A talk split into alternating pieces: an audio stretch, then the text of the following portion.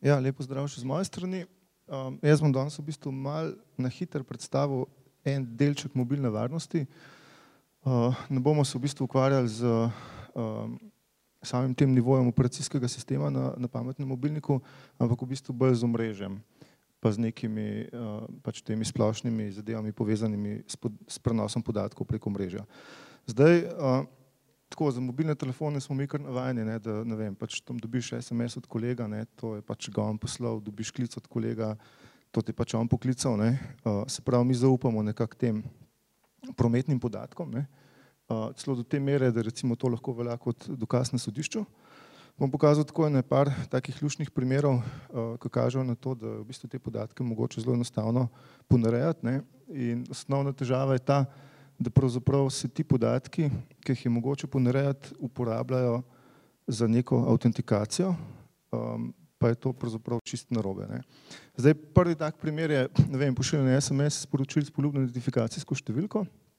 Um, to imate celo, mislim, tle ni potrebno kakšno posebno znanje, imate celo pač ponudnike na spletu, kjer stane pošiljanje, mislim, da v Slovenijo stane pošiljanje približno en mislim, okrog centa, ne, pač kakšni so tudi malo dražji, upišete nek spletni klic, upišete noter, ne vem, v URL from polje, ki je lahko številka, lahko je pač tudi tekst, ne, recimo, če ima kdo otroke, lahko pač tle upiše dedek mraz, pa pač jim dedek mraz pošilja SMS-e, ne, potem pa pošiljate, napišete enostavno pač sporočilo, ne, in prejemnik bo to sporočilo dobil, ne, in recimo, zadeva je tako, pač zelo enostavna, ampak ima lahko take zelo zanimive posledice. Recimo, enkrat se spomnim, sva z enim kolegom na eni konferenci tako v živo to predstavljala.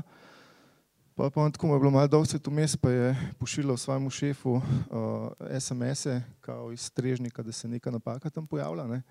In pa so v bistvu tam v firmi najprej šli pogledati na strežnik, so videli, da okay, diska je zadost, ne vem, to vse normalno dela. Pa nekako ki je bilo njih 20 teh sporočil, oziroma tako že kar več teh sporočil, so se pa spomnili, so pa rekli, ok, mogoče pa nekdo šel pač v server room spodaj, se je zaklenil, ne? zdaj sicer to bilo malo čudno, da je bil tam zaklenjen dva dni, ampak verjetno tam neko napako sporoža za to, da nam pač nagaja. Ne? Pa so šli tja pogledat, jasno, noter ni bilo nobenega, ne? no in pa, so, pa mi je prišlo na misel, da je on v bistvu pa na eni hekerski konferenci predava, pa da mogoče on to dela. Ne? Tako da, recimo s takimi zadevami se da zelo hitro kakšno, kakšno uh, malo bolj resno težavo za kuhati. Uh, recimo drug primer tak, ne, je, bom pa tudi video pokazal, je klicanje s poljubno klicno identifikacijo. Ne. Tle vidite um, v osnovi, uh, da so mene klicale take zelo lepe številke na eno minuto. Uh, Kukor ste vidite pravzaprav v ozadju, ne, je, imam jaz tle eno telefonsko centralo, ki mi laufa pač na prenosniku, potem z nekim SIP telefonom se gor povežem, upišem noter pač from številko ne? in edino, kar je bilo treba tukaj skonfigurirati, je bilo to, da je bilo treba dobiti medoperaterski dostop oziroma dostop do telefonskega omrežja, kar pa pravzaprav uh, tudi v Sloveniji ni tako zelo nemogoče, celo so obstajali neki operaterji internetne telefonije, um, ki niso izvajali filtriranja teh uh, telefonskih številk za, za končne stranke, pa se lahko pač un VoIP telefon, ki si ga imel doma, si ga pač odklopil, pa si ga vštekal v računalnik, pa gor skonfiguriral svojo centralo, pa si pol pač klical na tak način. Ne. Uh, ne, in, in tukaj ne, se izkaže, da se da pol recimo klicati iz nekih takih čudnih številk, recimo, da vas pokliče vaša lastna številka ali pa da ne vem, da vas kakšna neobstoječa številka pokliče. Mogoče najbolj enostavno, da pokažem tle en primerček. Um,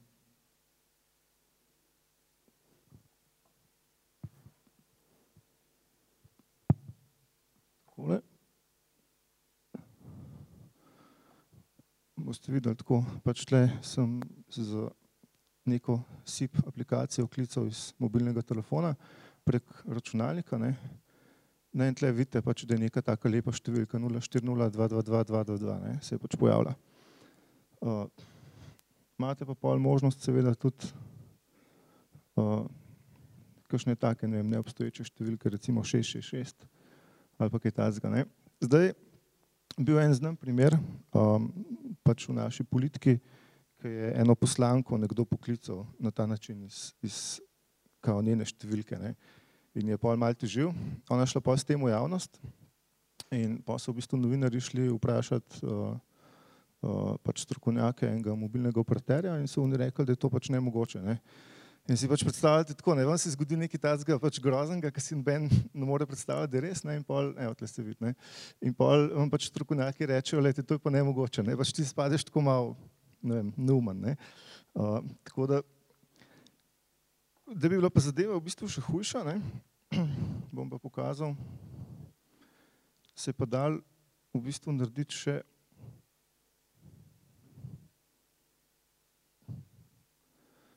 se pa v bistvu da, oziroma na tej točki lahko še omenjam en tak zanimiv izraz swatting, ne, ki se uporablja, um, ki se v bistvu to je neka tehnika, kjer so pač hekeri klicali na policijo, uh, predvsem v ZDA na ta 911, se pravi 113, uh, z lažne cifre ne, in tipično pač pokliče, ne vem, enkrat sred noči, reče, ne, tukaj imam talce, vse bom pobil, pridite sem, če si upate, pa pač pač dal slušalko. Ne. Zdaj operater tam na drugi strani si da vidi identifikacijsko številko, ne, jasno, kaj bo naredil, pač te bo poslal SWAT team, ne, zato se to imenuje swatting, ne, ta Special Weapons and Tactics team. Ne. In oni ponovadi ne potrkajo lepo, pa vprašajo, so res tle noter talci, ne, ampak pač upadajo noter s vso silo, ne, in uh, vas pol pač, mislim, te stanovalce odlečejo ven. Ne. Je bil tak znan primer, ki je en tip, uh, se tako, mislim, da je bil sicer kanačan, jaz se tako prek teh online zmenkari z dost puncami iz Amerike zapletel, pa polka pač to razmerje ni bilo glih uspešno, se mi tako maščval, da je pač uh, poklical uh, in jim pač poslal ta SWAT tim. Ne. In jaz sem pa bral tako neke članke, ne, ki so se pač tem kar dosti resno ukvarjali in dejansko je to zelo težko izslediti. Ne. Že v bistvu znotraj telefonskega omrežja je dosti težko izslediti, ne, uh, ki je pravzaprav izvor te komunikacije. Um, kaj še lepo, recimo, uh, da bi pač nekdo, ki se prek interneta povezuje na tega ponudnika. Um, zdaj, da je težava v bistvu pa še malo večja, ne, se je pa izkazalo, da uh, ko smo imeli pri nas še ta data retention oziroma obvezno hrambo prometnih podatkov, ki je zdaj sicer ustavno sodišče par let nazaj razveljavilo, sem jaz takrat od svojega operaterja pridobil seznam dohodnih klicev, ne, tle se vidi pač in, in se vidi, da so dejansko tele številke bile zabeležene kot tiste, ki so mene klicale. Se pravi, recimo, da bi zdaj jaz bil tle obdolžen, ne vem, nekega uh, trgovanja z orožjem ali ne vem čem, ne, in bi policija pridobila z odredbo te številke, mislim, izpisek mojega telefonskega prometa, bi oni videli, da me je ta številka ob tej čudni uri klicala za 4 sekunde in potem ta številka za 2 sekundi. Ne. Uh, kar smo pa ugotovili s kolegi je bilo to, da je bila ta uh, data retention baza pri določenih operaterjih še malo narobe narejena, tako da si v bistvu dejansko tudi šel pogledati te podatke, ne v billing bazo, ampak v data retention bazo odhodne klice si videl, kada je ta številka dejansko klicala. Ne. Zdaj, ta zadeva pa tako že malo resna, ne. tle pa že lahko malo vidite, kako pravzaprav se sam se ne zanašajo na te neke identifikacijske podatke, ki to pravzaprav sploh niso. Ne neki navadni posameznik, ampak represivni aparat ne, in imajo potem lahko ljudje uh, zaradi tega tudi dosti resne težave. Ne. Um, imate pa pa še nekaj takih malo bolj zabavnih primerov, recimo uh, pač na spletu obstajajo podjetja, ki prodajajo te GSM module za odpiranje garažnih ali pohodnih vrat. Zadeva načeloma tako dela, da pač pokličete na telefonsko številko ali pa pošljete SMS od garažnih vrat in če je to pač vaša številka, ne, potem sistem domneva, da ste to videli v kas in se pač vrata odprejo. Ne. Zdaj, če imate soseda, pa verjetno veste njegovo telefonsko številko, ne, si pač lahko predstavljate, kaj bi se daj zgoditi. Ne. Ja, podobna zadeva je sicer tudi ta SMS parking, ne, tlele sicer, ko ti pošleš ta SMS, dobiš nazaj obvestilo, ne, ampak si pa ni težko zamisliti enega scenarija, da bi nekdo zdaj poslal, ne vem, enih par tisoč SMS-ov, potem bi ljudje nazaj dobili obvestilo, da so pač rezervirali to parkiranje, bi poklicali na klicni center, ne? bi rekli, da to pa je pač neka zloraba ne? in tam bo klicni center kar naenkrat imel, ne vem, pet tisoč ljudi, ki bojo pač klicali in rekli, da to pa nekaj, nekaj čudenega se dogaja ne? in lahko cel, cel sistem dol pade. Ne? Tako da ta glavni problem ne, je pa pravzaprav ta, da v kazanskem pravu oziroma v kazanskem postopku smo mi pač navajeni na to, da če imamo tam neko pričo, ne, da ima obramba pravico do naskrižnega zaslišanja priča, ne, recimo, ne vem, zgodi se prometna nesreča, jaz sem priča ne, in pa me zdaj pač um lahko vprašam, a ste imeli očala gor, a ste mogoče, ne vem, ste, ste bil pijan, ali ste, ne vem, a ste pripričan, da ste tako videl, kje ste stal, ne. Zdaj, Kaj pa, če je priča v bistvu bazna postaja ne? ali pa nek računalnik, ne? kako pa tam v bistvu zdaj eno skrižno zaslišati. Ne? Uh, ne? Skratka, nekako se je kar uh, je prišlo do tega, da pravzaprav sodišča vse te digitalne dokaze, sploh če so to neki računalniško generirani dokazi, ne, kar dojemajo kot zaupanja vredne same po sebi. Ne. In pa imate recimo od takih zelo osnovnih trpari, ne, recimo, da se zdaj že kar proba mal, mal bolj resno um, uh, pač na to gledati, ne, recimo, da, da timestampi ne, ne štimajo. Ne. Če se spomnite, en primer je bil kakšen let ali pa dve nazaj, uh, ki je policija ugotovila, da je nekdo pač je pozabil denar, ne, nekih 50 evrov, in je potem tudi drug, ki je prišel, je v bistvu denar dvignil. Ne, in pa je kamera to posnela in niso pogledali timestampov in so potem, ker je bila pač zamik vem, za eno uro, so dali od ene ženske fotografijo ne, in jo objavili v medijih. Ne. Mislim, to zdaj tako zelo. Si predstavljate zelo huda škoda, dejansko ti greš čisto legitimno na bankomat in zato, ker je pač nekdo pozabil tam pogledati Eh, da je v bistvu tista ura ob dveh popoldan, pa pač ni bilo ob dveh popoldan, ampak je bilo tam interno nastavljeno ob treh popoldan, ne, vas potem objavijo v časopisu kot pač kriminalce in zdaj ne vem, dajte ljudje pač pomagati poiskati to osebo, ki je ukradla tle nek denar. Ne. Tako da že recimo pri takih stvarih so problemi, ne, kaj šele recimo tam, kjer imamo dokaze neke, ne vem, uh, izpiske iz, iz baznih postaj ali pa iz neke druge računalniške opreme. Ne. Uh, no in tle imam pa en konkreten primer ki smo ga najdel s kolegi, ne, um, bil je en gospod, um, ki je v bistvu bil ostric, pa je prišel tleh slovenskemu dobavitelju nek, ne vem, ali nek kokain ali ne, ne vem kaj, pač neko drugo je šel iskat, ne, in sta se zmenila v Kranju. Zdaj temu slovencu, uh, slovenskemu državljanu je policija v bistvu že prisluškvala že kar nekaj časa, In uh, potem, ko je pač on prišel, so posneli pogovor, ste se zmenili, tam pa tam se dobiva, bomo naredila pač ta prevzem oziroma izmenjavo droge pa denarja. In sta to naredila, seveda so jih dobili in flagranti, ne, ni, ni bil pač to problem. Ne. Problem je bil v tem, da se je izkazalo, da, da je pač policija imela posnetek ne, tega klica iz tega rajha na tega slovenskega uh, državljana, uh, medtem ko pa rajh pa sploh ni imel mobilnega telefona prežganga oziroma prijavljenega v slovensko omrežje. Ne? In potem je seveda obramba tako skočila v lafne, to je pa zdaj policija potaknila. Ne? Sicer malo so pozabili na to, da so tam vse najdeli pač tisto kilo kokaina, ne? pa od badva, ki ste se jih izmenjevali, ampak ne? pa so pa v bistvu angažirali um, gospoda iz Telekoma ne? in je pač rekel, ja, da teoretično bi sicer bilo možno, ne? da bi v Kranju ujel signal avstrijskega operaterja, ampak da je pa praktično to nemogoče. Ne? Zdaj, kaj jaz mislim, da se je zgodil, ne? po moje je pač on uporabljal Skype out funkcijo, ki dela dejansko tisto, kar sem prej pokazal, ta color-ID spoofing. Ne? In uh, operater je potem pač napačno zabeležil uh, v tej data retention bazi, mislim napačno, pač zabeležil tisto, kar je lahko zabeležil, pravzaprav ne? te prometne podatke. Ne? Uh, in na ta način je bilo pravzaprav je mogoče zelo enostavno razložiti, kaj se je zgodilo. Uh, zakaj je pravzaprav bil klic uh, za to telefonsko številko vzpostavljen, čeprav telefon sploh ni bil prijavljen v, v mobilno omrežje. Uh, no in takrat sem jaz pol posumil, da mogoče v teh data retention bazah je kaj narobe implementirano in smo šli pol raziskovati in smo pač ugotovili, da, da dejansko je temu bilo tako. Ne. Tako da je to en tak primer, ne, um, oziroma serija takih primerov, ki kažejo, da že pri takih zelo enostavnih zadevah ne, mi pravzaprav mobilni telefoniji oziroma telefoniji na splošno tem podatkom ne moramo zaupati. Zdaj, če gremo pa malo bolj globi pogledati, ne, bom pa v bistvu zdaj na hitro predstavil malo hekanje GSM omrežij.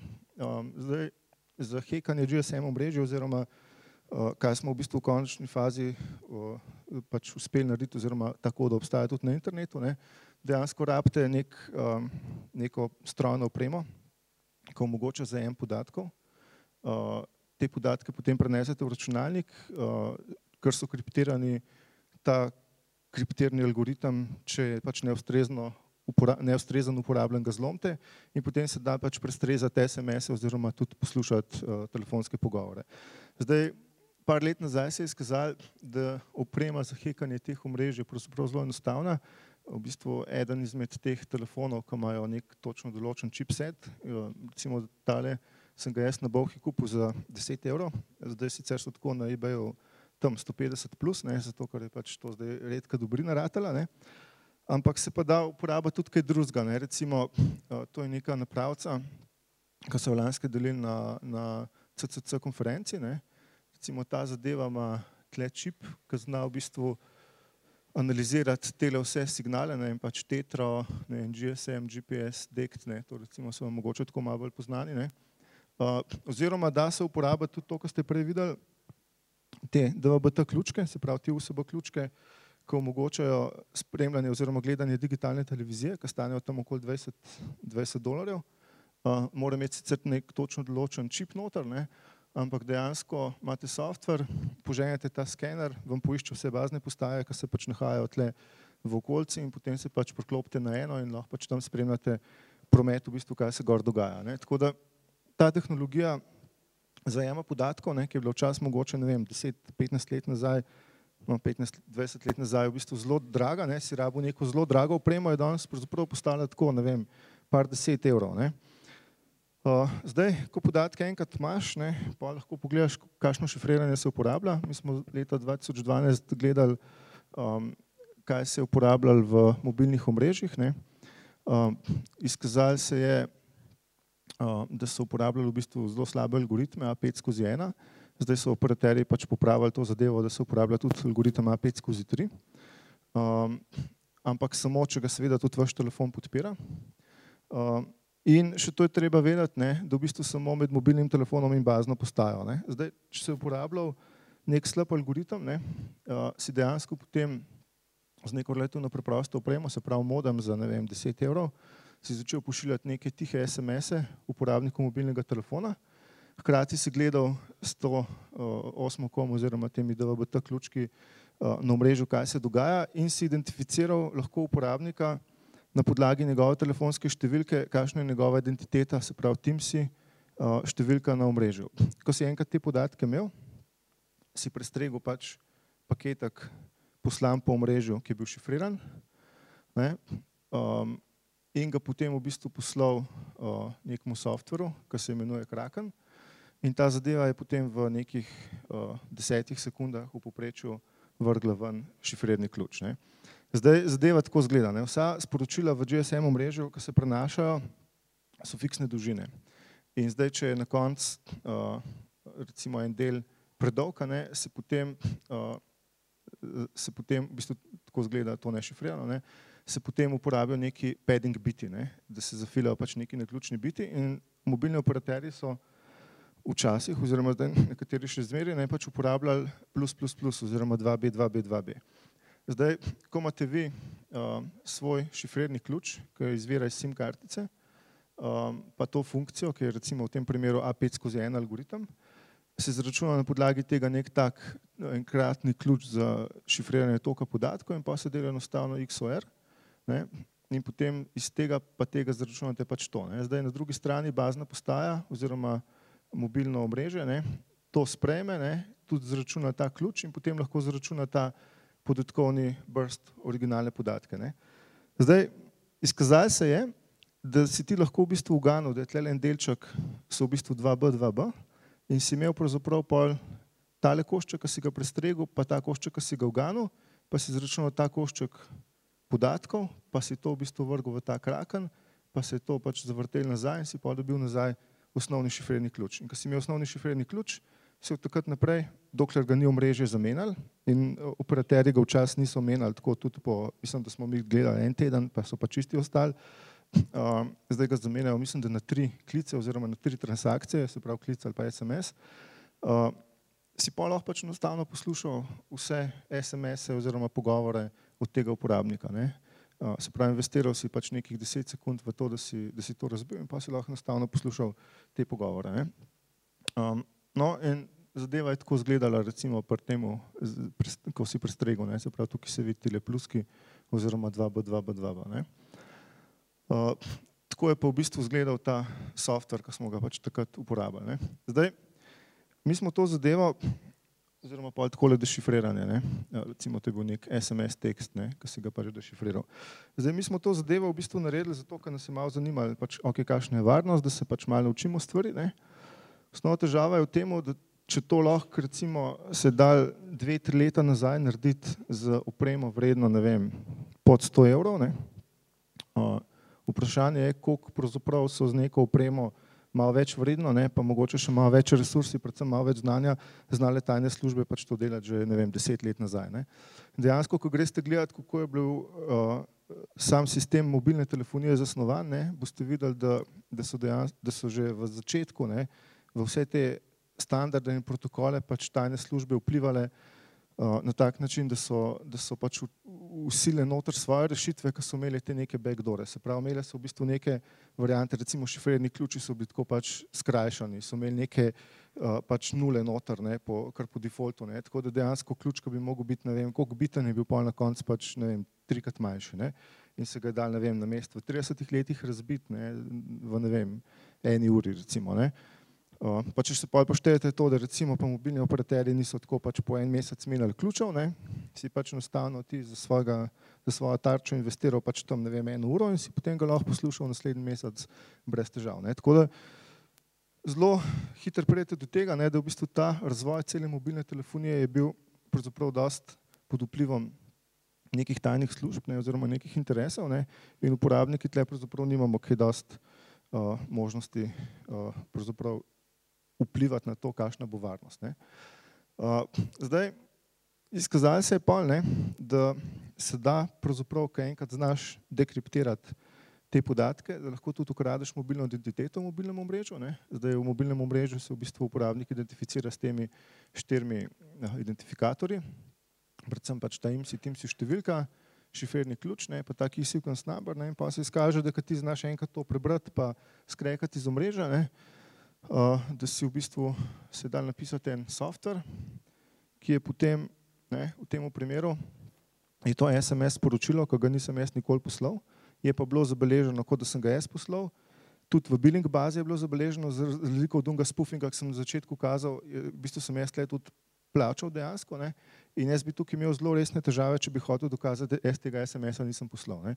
Tako je ena taka hecna resnična anekdota, ne, sem imela z enim kolegom, na enem sodišču um, predavanje na to temo in so tam kazala in so tako zbrala pač random dva sodnika in so rekli tam eni sodnici, mislim, v bistvu je bila predsednica tistega sodišča, ne, so rekli, ok, dajte videti svojo telefonsko številko in pa so poslala pač fake SMS uh, kolegu ne, in je noter pisali bomba. Ne. So rekli, ok, zdaj ste vi njemu z bombo grozili, ne, kako se zagovarjate. Ne.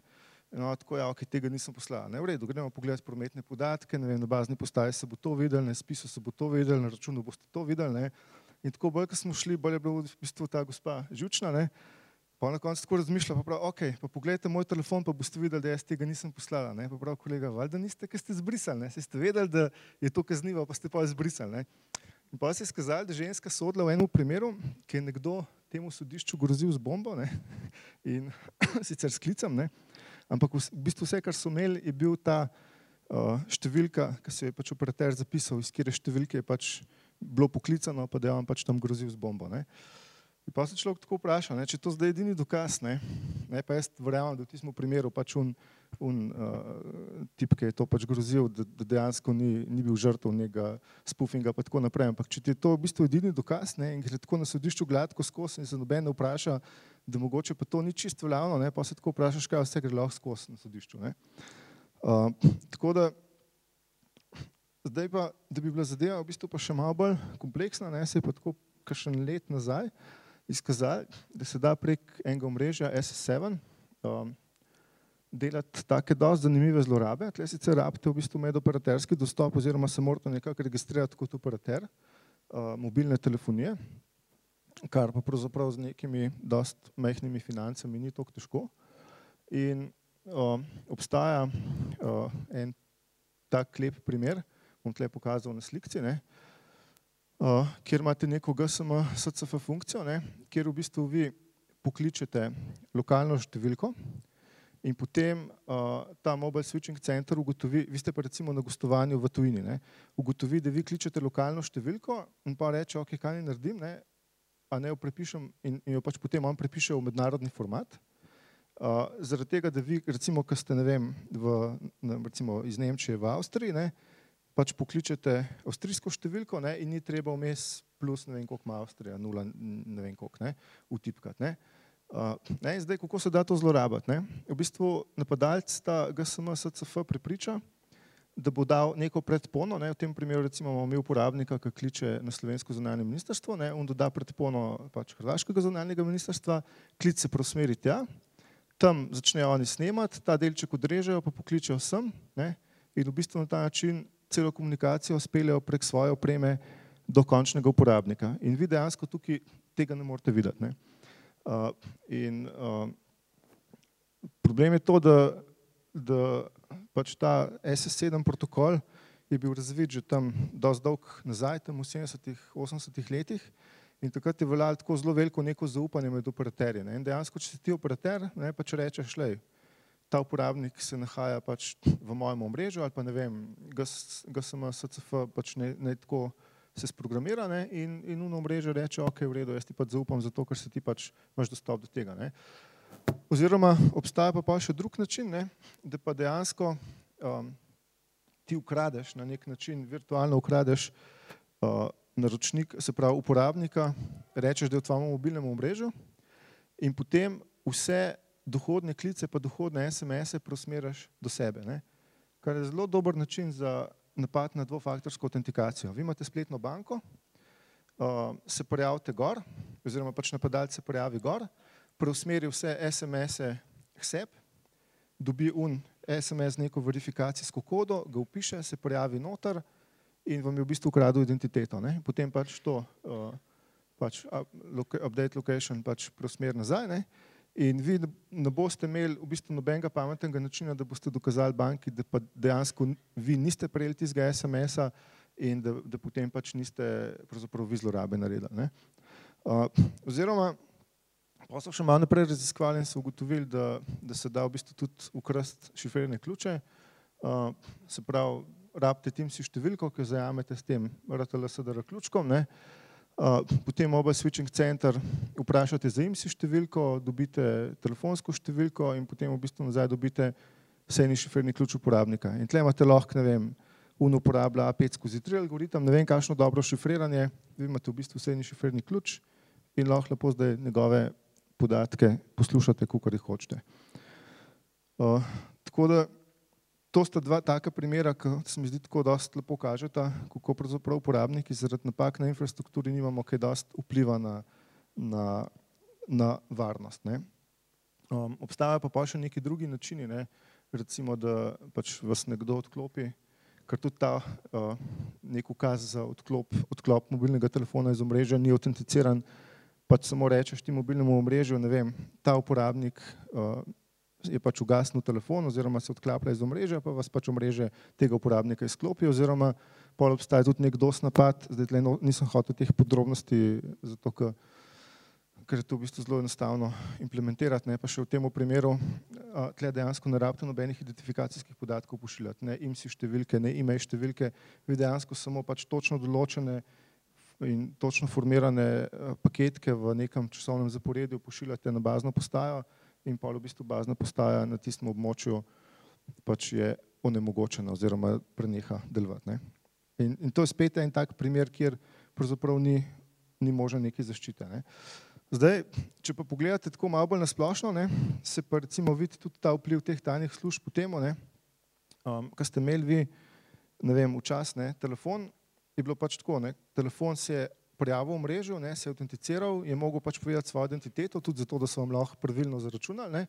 Medtem, ko pa v mreži se pa telefonu ni, umre, eh, ni eh, autenticiralo. Ne. V mreži je pa reklo, ok, jaz sem Simobil ali pa jaz sem mobitel, telefon reče, ja, ok, v redu. Ne. In to je tako, da jaz zdaj, ne vem, tam pridem k vam čez vrata, pa rečem, jaz sem pa Janez Novak ali pa jaz sem pa predsednik vlade, ne, dajte to narediti, ne, puni rečejo, ja, v redu, ne, pač ste predsednik vlade, ni, ni problema. Ne.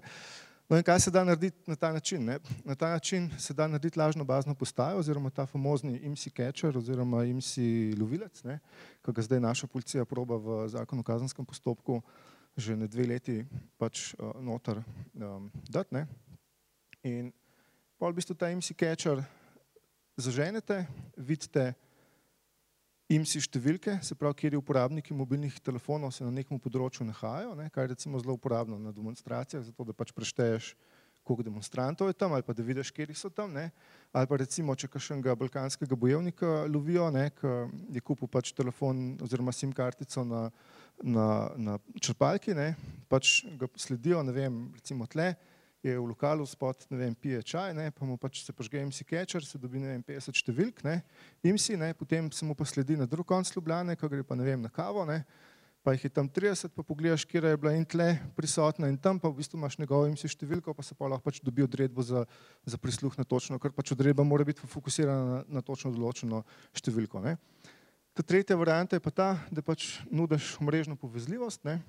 Zdaj ena opcija je, da izklopiš šifriranje, ne, pa bi telefon mogel takole zelo jasno javiti, da je šifriranje ni uh, omogočeno. Ne ampak se pa res kaže, da recimo kakšni smartfoni tega sploh ne javijo, ne, kakšni starejši telefoni pa tako le naredijo na tako ključavnico odklenjeno, ki boh ved, kaj pomeni, ne. Ali pa ponujaš neko šifriranje, ki je v bistvu dosti čvoh, um, pa pač je na ta način omogočeno pač potem prestrezanje, se pravi ta napad s posrednikom. Ne. Če si pogledamo ne, te naprave, jih recimo tudi slovenska vlada oziroma na zahod lahko, pa so tam okoli 200 mislim, da je to 36 tisoč evrov, ne, stanejo. Ne. Je problem je v tem, da se da to narediti tudi za dosti manj denarja, ne. Uh, z, konkretno z unim telefončkom ali pa z un, un uh, hacker F, ne, zna tudi dajati, sicer je doseg tako nekih 20 metrov, ne. Ok, prvo hacker F je, je malo daljši, ampak recimo tole je bilo narejeno z unim telefončkom, ne, in ti narediš pa svoje omrežje, obstaja nek so, software OpenBTS, ne, in ti narediš svoje mreže in pač tam imaš v bistvu nek svoj MC catcher za ne vem, 30 evrov. Kar sicer dela slabšne, ampak dela pa ne. Uh, ne. Zdaj pa, če si malo pogledamo rešitve, ne. zdaj problem je v tem, ne, da in jaz to zelo podarjam, ne, recimo vsi ti prodajalci pravijo, ne, kupite našo rešitev, naš firewall, naš ne, nek network appliance, ne, date to v mreže ali pa date ta software na telefon, pa ste pa varni. Ne. To je pač trparija. Ne. Dejansko varnost je proces, ne izdelek. Ne. Pač tukaj gre za varnostno kulturo. Ne. Zdaj imamo različne type napadov. Jaz v bistvu na tistem predavanju, ko imamo pol, uh, se pač na več teh fokusiram, ampak bom tle v bistvu samo dve stvari poudaril. Prva je šifriranje notranjega pomnilnika, ki je pravzaprav šele zdaj uh, za temi novimi smartfoni nekako privzeto omogočena. Prej je bilo treba to pač ročno vklopati. Um, In ta druga je obramba pred napadi na komunikacijo, oziroma uporaba nekih aplikacij, ki omogočajo prenos podatkov um, ali preko SMS-a ali pa preko uh, pač podatkovnega prenosa, ne, uh, ali VoIP, uh, se pravi zvočna komunikacija ali pa tekstovna komunikacija na tak način, da so ti podatki šifrirani in to pač kar precej boljš, kot je, um, je pač to osnovno šifriranje v, v mobilni telefoniji. Sicer, to, sta, to je recimo ena taka aplikacija Signal, ki jo jaz nekako, oziroma včasih imenovala Redphone pa Text Secure, um, ki jo jaz nekako tako dost redno spremljam, je brezplačna, pa ima v bistvu zelo dober security model. Ne? Vam pa na koncu pokazal še, kako je slišati šifriran telefonski pogovor, recimo nas, v nasprotju z nešifriranim.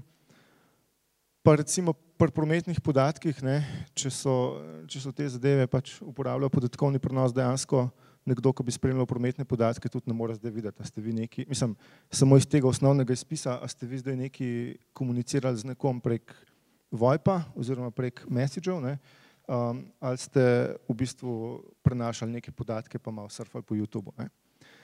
Uh, zdaj, ok, ne, zdaj smo si šifrirali telefon, pa ne vem, smo si vas software gor pa update ali pa nek antivirus smo dali, um, pa recimo, da se nismo odločili, da bomo ga rutali, zato ker tisti pač odpre nove težave, ampak uporabljamo pa neke aplikacije za šifrirano komunikacijo, ne, pa recimo, da smo varni. Ne. No in tlem jaz tako spomnil na Stalmanovo izjavo iz pred parih let, ko so se mu ljudje tako zelo pač Ržal, ne, ki je on začel razlagati, da so to uh, orodja Big Brotherja, ne, da ne bo nosil tracking device pa surveillance device, ki ga je mogoče kadarkoli preklopiti in, in, in lahko potem poslušaš, kaj se nekdo pač pogovarja v okolici. Ne.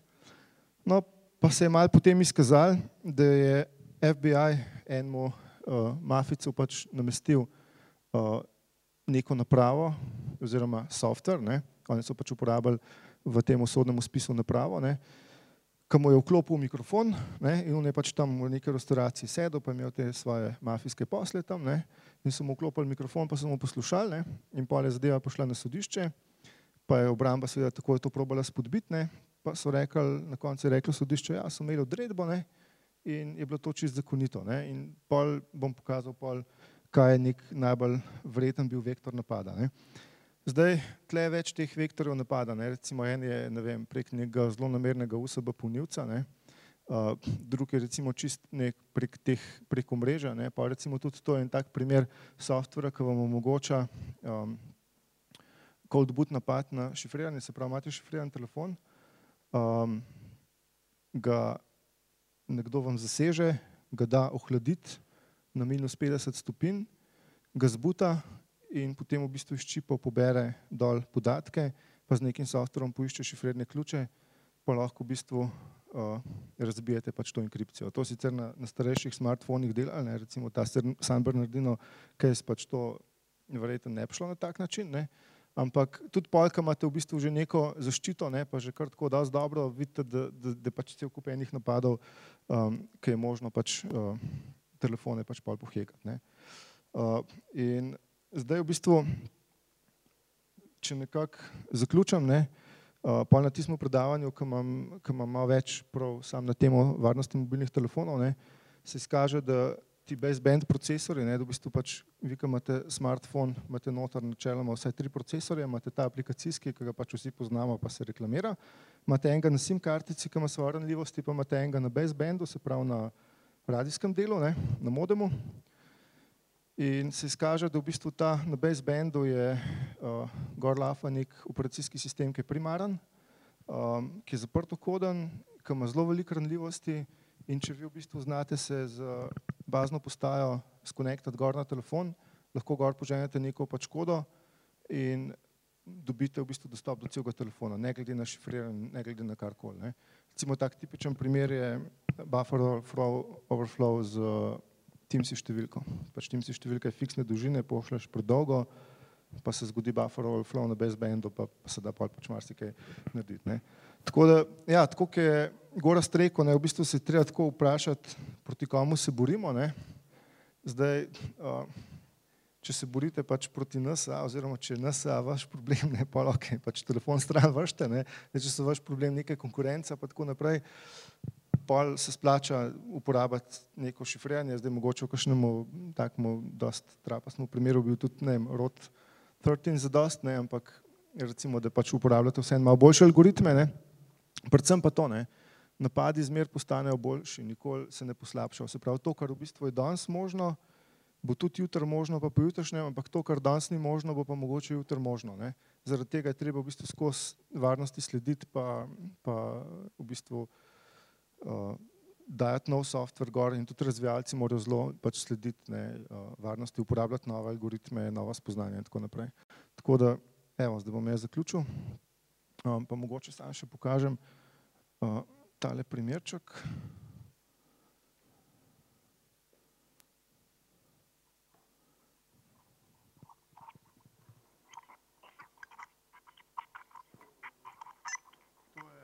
To je šifriran.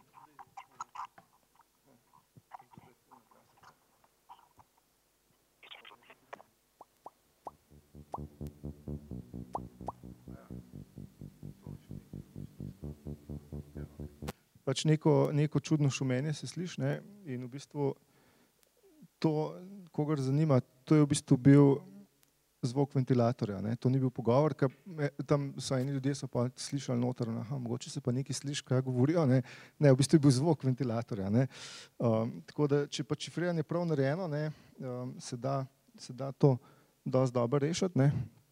Je pa res, da v bistvu šifriranje v VoIP mrežjih pa ni tako enostavno, kar se zdi na prvi pogled, ker je pa tudi odvisen od kode, ker recimo Skype, ne, Skype se da tako do 90% komunikacije pač razbiti, ne glede na to, da je šifrirana. Zaradi tega, ker v bistvu vzameš, uh, ker ima ta variable uh, bitrate encoding ne, in v bistvu različne dele glasov oziroma ne vem, zloge, vokale pač šifrira različno ne, in pa ti narediš celo zbirko in dobiš v bistvu šifriran košček in pa imaš šifriran stream in poiščeš noter te koščke, sestavaš in se da v bistvu pol nazaj poslušati. Ne.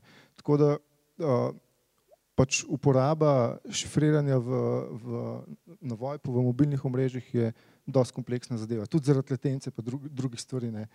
Um, in tudi ne vem, pač, ampak to so stvari, recimo, ki načeloma končnega uporabnika niti toliko ne zanimajo. Ne. Um, recimo tudi, ne vem, generatorji neključnih števil, recimo take stvari je treba biti pozoren. Ne. Zato je treba biti pri izbiri tega softvera, kaj boste uporabljali, tako dost pač se pozanimati pri kakšnih strokovnjakih, ne, ker valjda vsak oglašuje moj najboljši, moj najboljši, ne, um, ampak to nič ne pomeni. Pa tudi, če je v bistvu odprt koden, ne pomeni, da je pač dober, ne, recimo za OpenPGP ali pa ne vem, OpenSSL, je bil pač tudi odprt kodo in pa ne vem, deset let ni noben noter pogledal kodo. Ne. Pa pa kaj je nekdo pogledal, je pa vse kap zadela. Ne. Tako da je to pomemben predpogoj, ne, ampak ni pa to nobeno zagotovilo, da, da pa pač zadeva v redu. Ne. Okay.